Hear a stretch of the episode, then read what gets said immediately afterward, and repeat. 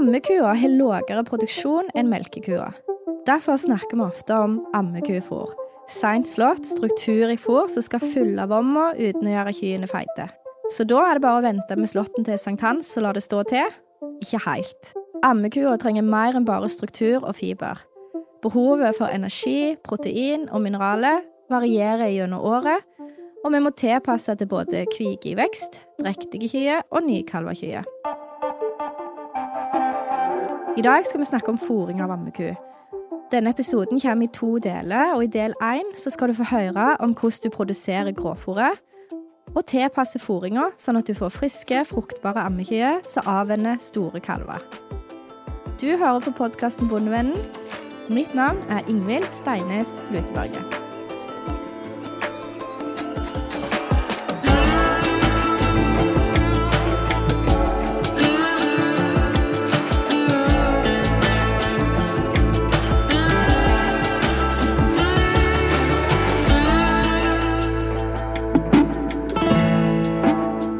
Podkasten Bondevennen blir presentert i samarbeid med Sparebank1 SR-Bank og Tveit Regnskap. Vi bidrar til at bonden lykkes.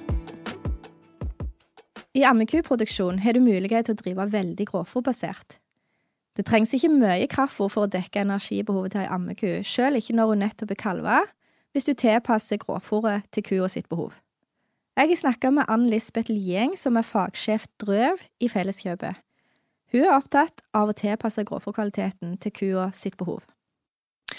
Grovfòr er jo basisen i, i ammekuproduksjonen. Det er jo det som er hoveddelen av uh, rasjonen til, til kua. Uh, så det å ha en uh, tilpassa kvalitet Jeg syns jeg syns uttrykket godt gråfòr er litt sånn upresist. For et godt gråfòr til ammekua er gjerne senere slått enn et godt gråfòr til mjølkekua. Eh, sånn at kvaliteten er tilpassa det behovet kua har. Og så har vi jo eh, Altså besetningene er jo ulike. Du har noen besetninger som kalver eh, på våren eller på høsten eller midt på vinteren. Og når den kalvinga er påvirka av hvilken type kvalitet optimalt sett den kua bør ha. Hvordan du fôrer ammekua har enorm betydning både for helsa, dyrevelferd og økonomi. For det første så er det fòrsløsing å fòre kua feit. Jeg tenker jo òg litt det at har du fôra kua feit, så har du jo på en måte kasta litt penger ut av vinduet. Eh, du har brukt mer fòrenheter enn det du eh, enn det du trengte, eh, og du har fôra deg til litt trøbbel senere i, i, i, sesongen når kua skal begynne å kalve. Det er jo ekstra kostnader, og det trenger vi jo absolutt ikke. Og ikke minst så er det arbeidsbesparende å drive forebyggende helsearbeid med rett fôring. Får du klatt, så får du ekstra jobb. Både feitekyer og tynne kyer er et problem. Veterinær Per Christian Groseth, som også driver med ammeku, forklarer her konsekvensene av når kyrne er i for dårlig hold eller for feite når de kalver. Vi ønsker jo at uh, alle storfe for så vidt, men uh, ammekua òg skal kalve i normalt hold. Ikke for feit og heller ikke for tynn. Kalvinga er jo et uh, er jo mest kritiske tidspunktet i ammekuproduksjon. Både når det gjelder kua og kalven. Det er jo en, en overgang på samme måte som for mjølkeku, så er det en overgang fra å nesten ikke produsere noen ting, bortsett fra fostertilvekst, til til også eventuelt egen tilvekst da, for uh, førstekalvskua. Til å skulle både sette i gang med mjølkeproduksjon og med tanke på å få en, eh, en bra tilvekst på kalven, og med å sette i gang med egen syklus etter kalving. Og da er det jo intuitivt at ei fortyden ku prioriterer ressursene til egne behov. Så, så der kommer det jo signaler fra stoffskiftet inn til eh, de hormonene og organene som styrer, fruktbarheten hos kua, som forteller at eh, her er det trange tider. Så her eh, må vi utsette etablering av drektighet til, til bedre tider. Det kan jo være sånne signaler som lav glukose, insulin, forskjellige nedbrytningsprodukter som virker negativt både på organene som skiller ut hormoner, og på, på, på, på eggeblæra direkte. Og så er det jo sånn at den, et for ku vil jo være mer mottakelig for forskjellige typer sykdommer. Stoffskiftesykdommer. Vil være i dårligere stand til å gjennomføre normal kalving. Har mindre energi til å Uh, stable på beina et uh, ordentlig immunforsvar. Det er heller ikke bra at ammekua er for feit ved kalving. Ei feit ku har større risiko for å få kalvingsvansker. Hun er i dårligere kondisjon, hun er ikke like sprek. og det er også, hvis det er fett utapå bekkene, som vi ser, så er det òg fett inni bekkene. Dette kjenner vi jo godt når vi inseminerer og drektighetskontrollerer. Det er nesten som å ha på seg polvotter på de ordentlig feite Hereford-kyrne. Og det fettet som er avleira på innsida av bekkenet, det gjør jo helt praktisk at eh, fødselskanalen er trangere. Så er det òg sånn at ei ku som er feit ved kalving, har et lavere uh, fôropptak etter kalving. Og det er både fordi at fettet i bukula faktisk gjør at vomma har mindre plass, og I tillegg så sender Fettcellene i kroppen er ikke bare et passivt uh, lagringsorgan. Det er òg et, uh, et uh, endokrint organ, dvs. Si at det skiller ut hormoner. Så Fettcellene i kroppen skiller ut forskjellige hormoner som forteller kua at her er det gode tider. du trenger ikke å spise så mye. Sånn er det på oss folk òg, sjøl om øh, mange av oss ikke øh, nok erfarer at den mekanismen ikke fungerer 100 hele tida. Nei, vi skulle kanskje ønske at den mekanismen der, at når du har fått i deg nok mat, så trenger du ikke å ete mer, fungerte bare, både hos folk og hos dyr. Men sånn er det ikke helt. Får dyra veldig energi til et fôr og ikke nok vomfyll, så kan de ete mye mer enn de har behov for, og dermed bli feite. Kalvinga er et kritisk tidspunkt, men det er òg veldig viktig for økonomien i ammekuproduksjonen, der det oftest er konsentrert kalving, at vi får en kalv i kua innen tre måneder etter kalving. Sånn at du ikke forskyver kalvinga hele tida, litt mer og mer fra år til år.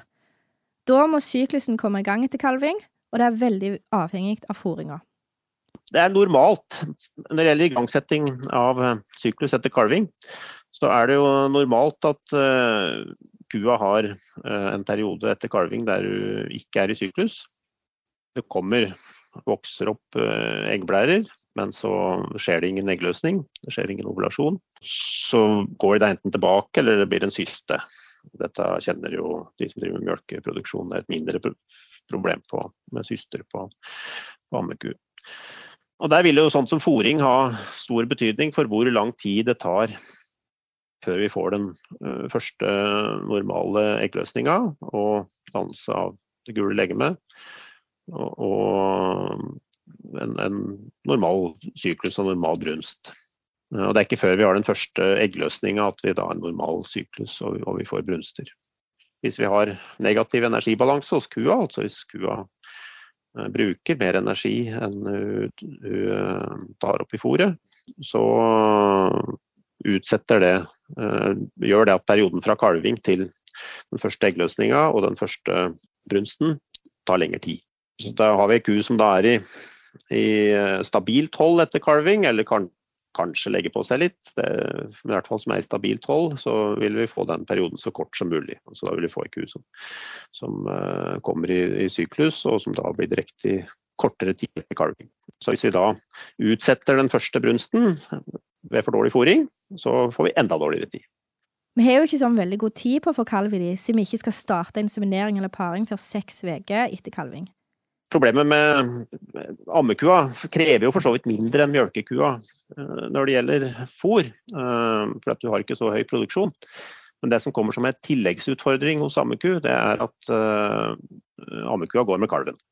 Når ammekua går med kalven, så er det en, en mekanisme som vi kaller laktasjonsanøstrus. Det ble et sånt tungt eh, fagbegrep, men eh, det er jo rett og slett at det tar lengre tid eh, før kua får sin første eggløsning og får normale brunster når kalven går og suger. Og Da er det effekten av suging av seg sjøl, av amming i seg sjøl, som fører til det. Når kua og kalven møtes og kalven suger, så utløses det lykkehormoner hos kua, opioider, og de undertrykker kjønnshormonene. Sånn at det da tar lengre tid før kua får sin første brunst hvis hun går med kalven. Det gjelder særlig hvis det ammes ofte, enn hvis vi ikke går med kalv. Denne effekten er veldig sterk hos purke. Der, purka kommer ikke i brunst før grisunga er avvent. Hos mennesker så er det jo til dels sånn. Det er vel noen som har blitt litt overraska, kanskje. Så amming fungerer som prevensjon også for kyet, men hvor lenge og hvor sikkert det varierer. Så for folk så er det ikke noen å stole på, men for kua så betyr det i praksis at vi har et mindre tidsvindu på å få kalv i kua i ammekuproduksjon enn i melkekuproduksjon. Det får vi ikke gjort så mye med, men vi må ha fokus på å fòre sånn at du faktisk tar kalv når vi har sjansen. Så når kua har kalver, så må vi dekke energi- og proteinbehovet for å sikre god melkeproduksjon og ny drektighet. Da må vi vite hva energibehovet er. Eh, hvis vi ser på fôrenhetene, hva de har behov for, så kan man tenke eh, at fra tidlig drektighet, altså når du har tatt ifra kalven, frem til hun skal kalve, så fordobler eh, energibehovet seg. Så hvis det da ligger på rundt eh, fem til seks fôrenheter eh, når du tar kalven ifra, så vil det være det dobbelte når hun eh, har kalver. Så det er sånn, kanskje en tommelregel å gå, gå ut ifra. Men når du vender kalven, da er energibehovet lågt. Hvis du har vinter- eller tidlig vårkalving, så vender du ofte av kalvene på seinsommeren, og kyrne får en liten periode på beite uten kalv. Så lenge kyrne ikke er tynne, og det fortsatt er mat igjen på beite, så går det veldig bra. Kua får mosjon og greier fôring. Men når hun settes inn på housen, da er hun ofte i midten av drektigheten, og energibehovet er fortsatt lågt. Da skal hun fôres til vedlikehold fram til de to–tre siste månedene av drektigheten. Uh, så da går vi gjerne ifra ja, Hvis vi snakker tidlig drektighet, sånn fem-seks fòrenheter opp til uh, sju-åtte uh, fòrenheter mot slutten av, av drektigheten. Um, og i tillegg så bør proteinet økes eh, 2-4 um, Når vi snakker protein, så eh, snakker vi jo ofte de minimumsverdiene eh, i rasjonen. Um, og ei ammeku kan klare seg med relativt lite protein. Uh, hun må ha minimum 11% protein i rasjonen sin i tidlig drektighet. Og dette er jo for at vomma skal fungere godt nok, altså at mikrobene i vomma skal få nok uh, nitrogen og protein til å ha en effektiv nedbrytning av fiberen. Um, når uh, når vi kommer litt lenger ut i drektigheter, så ønsker vi mer. Og da snakker vi om minimumsverdier, og da vil vi ha de opp i 12-14 eh, eh, protein. Og med et normalt høsta grovfôr, selv om det er litt sent slått, så er som regel ikke det noe problem. Men eh, bruker man halm, f.eks., at man tynner ut rasjonen med halm, så er jo det noe man må være veldig oppmerksom på. Eh, selv om den er behandla på et eller annet vis, så kan proteinverdiene blir vel lav. Så fram til kalving så er det to ting vi må tenke på. Ikke for mye energi, men nok protein. Det er sjelden surfôr av gras har mindre enn 12% protein, uansett hvor seint det er slått. Men i økologisk produksjon eller der man har droppa kunstgjødsla, så kan vi se veldig lave verdier. I tillegg har kyrne behov for vitaminer og mineraler, og når de er på en rasjon som stort sett bare består av grovfôr, så blir det fort mangel. Og Det skal vi komme tilbake til i del to av denne episoden. Energibehovet øker jo etter hvert som kalven eh, vokser, og det samme gjør proteinbehovet. Så det er jo god sammenheng mellom de to, og det passer jo godt med innholdet i, eh, i grovfòret. Eh, og den begynner jo å vokse. altså Selve størrelsen på kalven den kommer jo i siste trisemester. Så, så det er jo å gå da øke opp hvor mye gråfòr man gir. Det er jo en måte å, å, å, gjøre det på hvis man ikke utnytter hele, hele opptakskapasiteten. Eh, eller gå over på et gråfòr som er tidligere slått. Eh, nå er det jo ofte sånn at Hvis du har et veldig sent slått tidlig i drektigheter, så vil kanskje ikke det dekke proteinbehovet opp mot kalving av proteinene. Er jo veldig viktig for både at selve melkeproduksjonen skal forberede seg og komme i gang og det kommer nok eh, råmjølk. Men det er jo òg viktige byggesteiner for kalven, som på en måte skal bygge, bygge hele kroppen sin eh, i, eh, i, den perioden. Dette er viktig. For at kalven skal få en god start, så må vi tilpasse fôringa før kalving, sånn at kua får nok råmelk av god kvalitet. Både mengden og kvaliteten av råmjølka vil kunne gå ned hos kyr som er dårlig fôra før kalving, og som har dårlig hold ved kalving. Så vi vil både ha mindre mjølk totalt og mindre antistoffer. Mindre antistoffinnhold i mjølka. Oppfòring før kalving kan være litt vanskelig.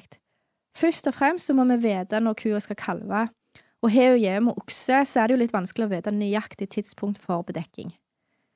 Derfor er det en god idé å ta notater hvis du observerer paring, og bruke drektighetsundersøkelse på rett tidspunkt, sånn at du får en pekepinn på kalvingsdato. Hvis du begynner oppfòringa for tidlig, så kan du risikere at de auger i hold fram mot kalving, og det ønsker vi jo ikke. Mellom eh, andre og tredje trismester, for da begynner eh, energibehovet og proteinbehovet å øke på.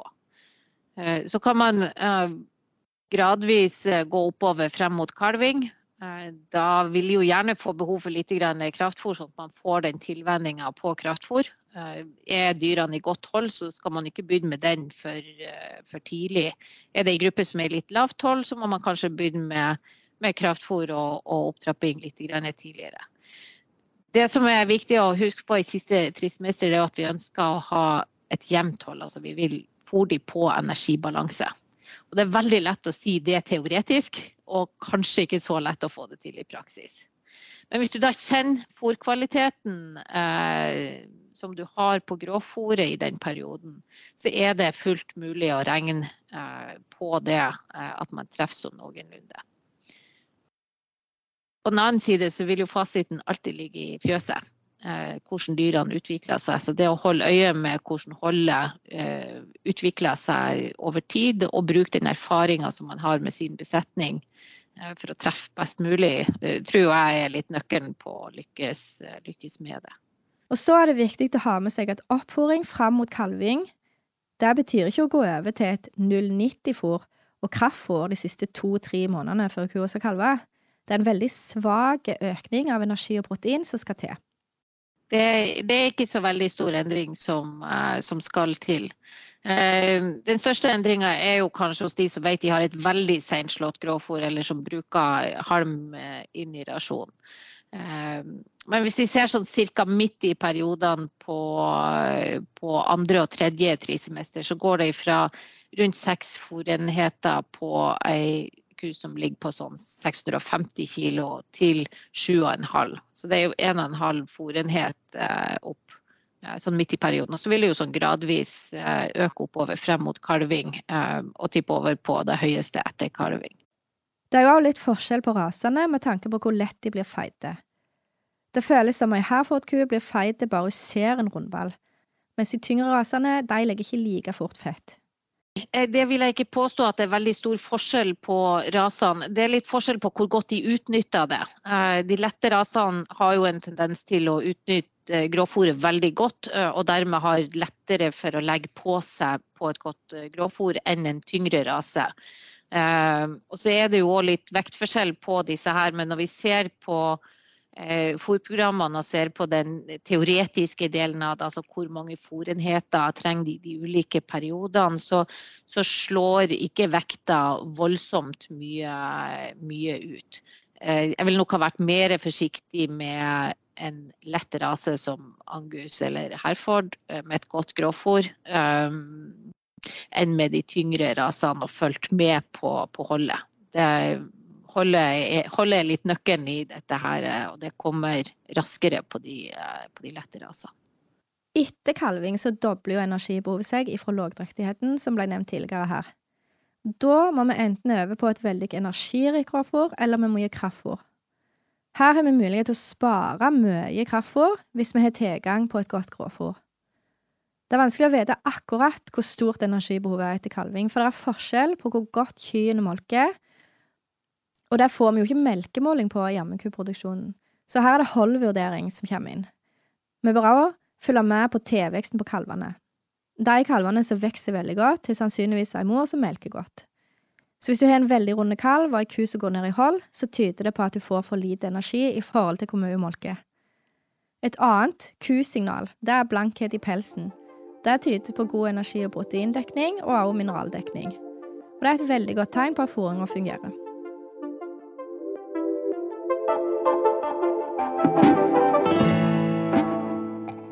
Denne episoden er sponsa av Felleskjøpet Rogaland Agder.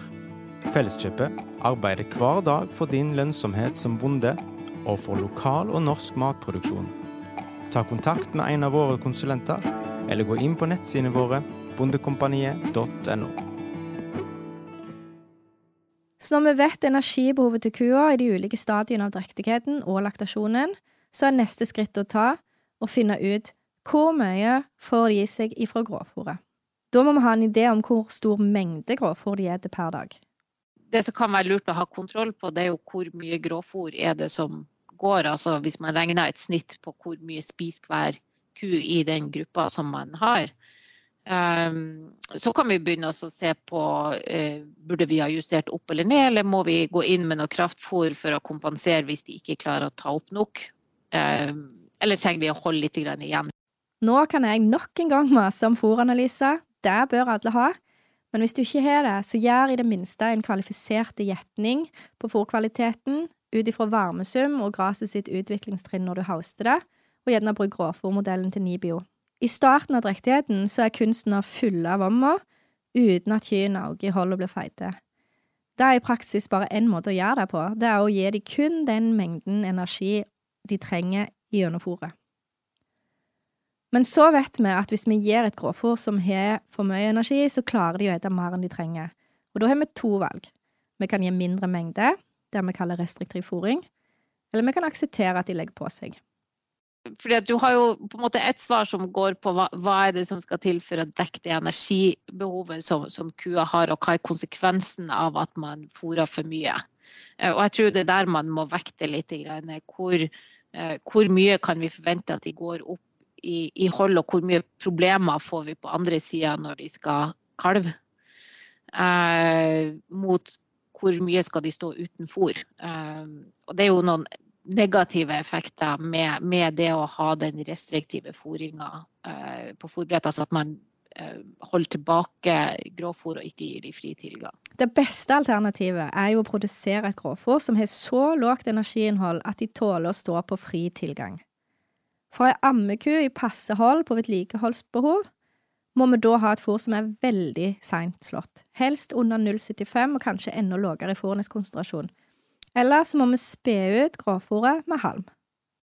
Vi ønsker jo at dyrene skal kunne stå og ete eh, mye som de ønsker, og få utfylt den, den kapasiteten som, som, de har. Det gjør jo noe med strekkeffekten i, i bomma, at, man, at, de er klare til å ta opp mye når de virkelig har, har behov for det. Det gir større ro i fjøset. Eh, og så er det en utfordring til hvis man må ha restriktiv fôring, og det er jo dette med hvis man ikke klarer å gruppere eller ikke har én-til-én eh, eteplass, så er det veldig utfordrende å få til den restriktive fôringa. Dette er kjempeviktig, både for dyrevelferden, men også for å få en sunn og frisk besetning. Dyrevelferdsloven sier at fôret skal dekke dyra sitt atferdsmessige og fysiologiske behov. Så det er god rettesnor når vi må vurdere hvor restriktivt vi kan tillate oss å fôre, uten at det går ut over dyrevelferden. Det er, egentlig bestemmelsen i lovverket som som setter en begrensning der. Eller, som, det er en god definisjon i lovverket, syns jeg. og Det er at dyras atferdsmessige og fysiologiske behov skal være dekka. Og skal en ha perioder av døgnet der det ikke er fôr på fôrbrettet, så uh, må, da må det være rolig innenfor de rammene at det er rolig i fjøset og at vomma er fylt. Uh, er dyra rolig og vomma er fylt, så er jo atferdsmessige og fysiologiske behov til stede. og da er det, da, da er det jo dyrevelferden god.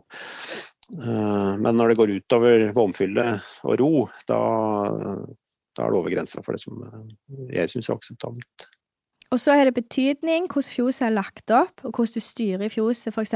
med tanke på gruppering av dyr, hvor ofte du fôrer osv., om det er mulig å ha restriktiv fôring. Og da er det jo gjerne sånn at det er jo ikke de som trenger det mest som er vinneren, det er jo uh, denne Big Mama.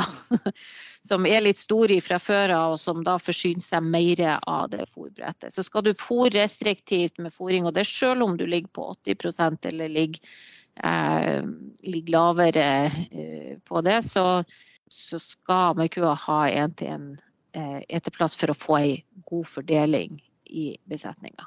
Har de ikke det, så må man tenke enda mer tettere gruppering eh, for å få det til. Før vi forlater temaet restriktiv fòring, så må jeg bare si at jeg er prinsipielt motstander av restriktiv fòring.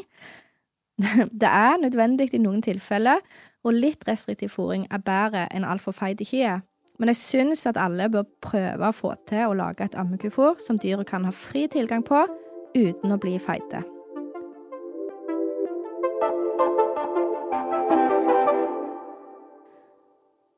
Så vi trenger et veldig seint slått grovfòr i starten av innefòringsperioden hvis vi skal unngå restriktiv fòring. Men så trenger vi òg et fòr med mye energi når kua skal kalve. Så hvis vi skal være sjøl med grovfòr, så bør vi produsere minst to ulike grovfòrkvaliteter. Det er utrolig viktig å ha god kontroll på, på grovfòrproduksjonen. Altså det er fjøset som må bestille hva slags grovfòr du, du skal ha hvor mye vi trenger av de ulike kvalitetene i grovfòr, er jo påvirka av når du er hovedtyngden av kalvingene. Hvis du er tidlig kalving og lang innføringsperiode med kalven i fjoset, før beiteslep, så må du ha mer tidlig fôr enn hvis du har kalvinga tett opp til beiteslep og slipper kyrne ut med veldig unge kalver. Da trenger du mer av det energifattige fôret og bør hauste mesteparten av enga di seint. Dette kan du lage deg et regnestykke på, hvor mye du skal slå seint og hvor mye du skal slå tidlig, med å berekne antall dager de står på innefòring i de ulike delene av drektigheten. Eller du kan få hjelp av en rådgiver. Å lage energirik råfòr, det har vi snakka om i flere episoder. Hør gjerne på når skal vi slå, eller en ekstra slått er det verdt det, for å lære mer om hvordan du produserer gråfòret som passer etter kalving. Men så er det dette ammekufòret, da, som skal fylle vomma i lågdrektigheten, uten å gjøre de feite. Det er jo bare å utsette slåtten, det, ikke sant? Men så er det jo ikke bare så enkelt allikevel. Først og fremst så må vi sitte inne med egenskapen ha is i magen. Og det er jo ikke lett når været er helt topp i midten av juni, gresset har begynt å skyte og alle andre i bygda slår, men kvaliteten fortsetter 082. Da er det veldig fristende å slå. Så ha is i magen, altså. Du kan jo bokstavelig talt ete en is mens de andre slår, da. For du skal ned på 0,75, og kanskje enda lavere. Da er du helt avhengig av å vente og vente og vente. Og har du gjort det, så går og beiter på enga di, så vil det hele tida komme opp nytt gress, og du taper jo masse avlinger. Og da vil jo ikke kvaliteten bli så lav som 0,75, uansett hvor lenge du venter. Så hjorteutsatte områder de egner seg ikke spesielt godt til å lage det groveste ammekufòret. Det er heller ikke alle grasarter som egner seg til å lage det groveste ammekufòret.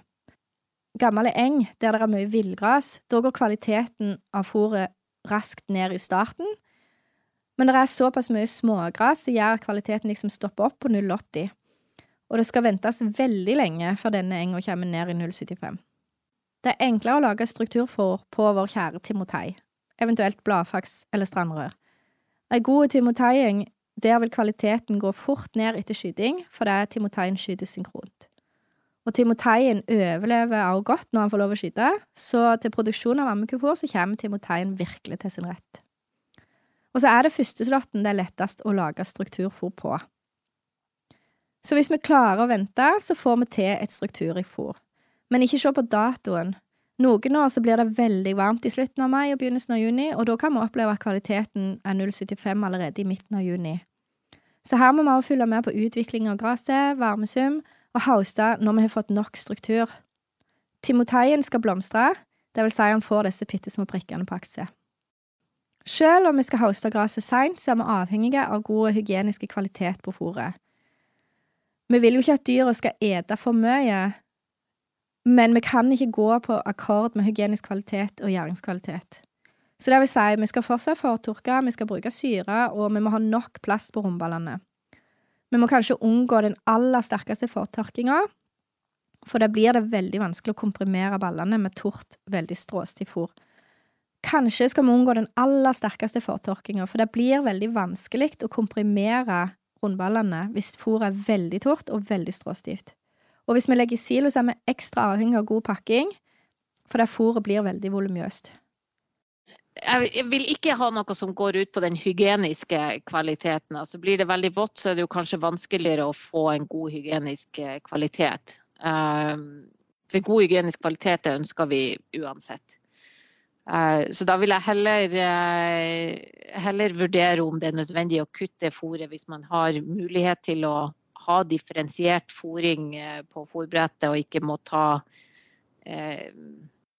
må inngå noe kompromiss, så, så ville jeg heller hatt et langt gras altså, som ikke var så mye kutta i den perioden. For én ting, det er fôret sin kjemiske struktur, altså det innholdet han har fiber eller NDF, som det står på fôrprøven. Men fôret sin fysiske struktur påvirker også hvor fort kua klarer å ete, altså tyggetida, og hvor stor plass fôret tar i vomma, altså fylleverdien. Altså Grovfôr har jo mange egenskaper. En av egenskapene er jo eh, hvor mye energi det inneholder. Eh, men, men, så er det også kvaliteter som eh, hvordan er dette her slått? Er det, er det bare kutta og pakka, sånn som noen gjør i, i langball, at man får dette lange gresset som kua bruker lang tid på å, å spise opp? Eller er det kutta sånn som man gjerne gjør til, til mjølkekua for å få et høyt fôropptak? Så vil de jo bruke kort tid på, på å ete den mengden de egentlig har behov for.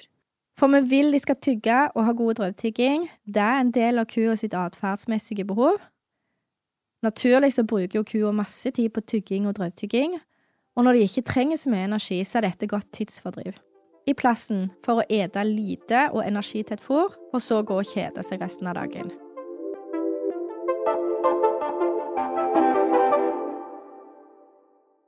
Nå tror jeg jeg må gå inn på landing i del én av denne episoden om fòring av ammeku. I del to skal dere få høre om halmfòring, fòring av kvige som skal bli til ammekyr, og om vitaminer og mineraler. Så følg med neste uke òg. Ammekua må ikke bli for tynn eller for feit. Da får du trøbbel og følgefeil som lager merarbeid og gir dårligere lønnsomhet i produksjonen. Finn ut energibehovet i de ulike delene av drektigheten og laktasjonen, og deretter hvor mye som dekkes av grovfòret. Resten må du dekke av kraftfôr eller tilskuddsfôr. I tidlig drektighet er det vanskelig å unngå holdøkning, hvis ikke du har slått grovfòret veldig seint. Restriktiv fôring har mange ulemper, så streb etter å lage et ammekufôr med nok fiber og struktur, sånn at kua kan ete seg mette uten å bli feit. Timotei er fantastisk å lage ammekufôr på, men ha is i magen og vent lenge nok med å slå. Du har hørt på podkasten Bondevennen. Mitt navn er Ingvild Steines Luteberget. Til daglig så jobber jeg som rektor ved Vinterlandbruksskolen i Ryfylke. Hvis du har spørsmål eller tilbakemeldinger til episoden, så er det veldig kjekt om du sender en e-post til podkast.bondevennen.no. Episoden er spilt inn i ABC Studio Etne. Lyd ved Stig Morten Sørheim. Takk for at du hørte på.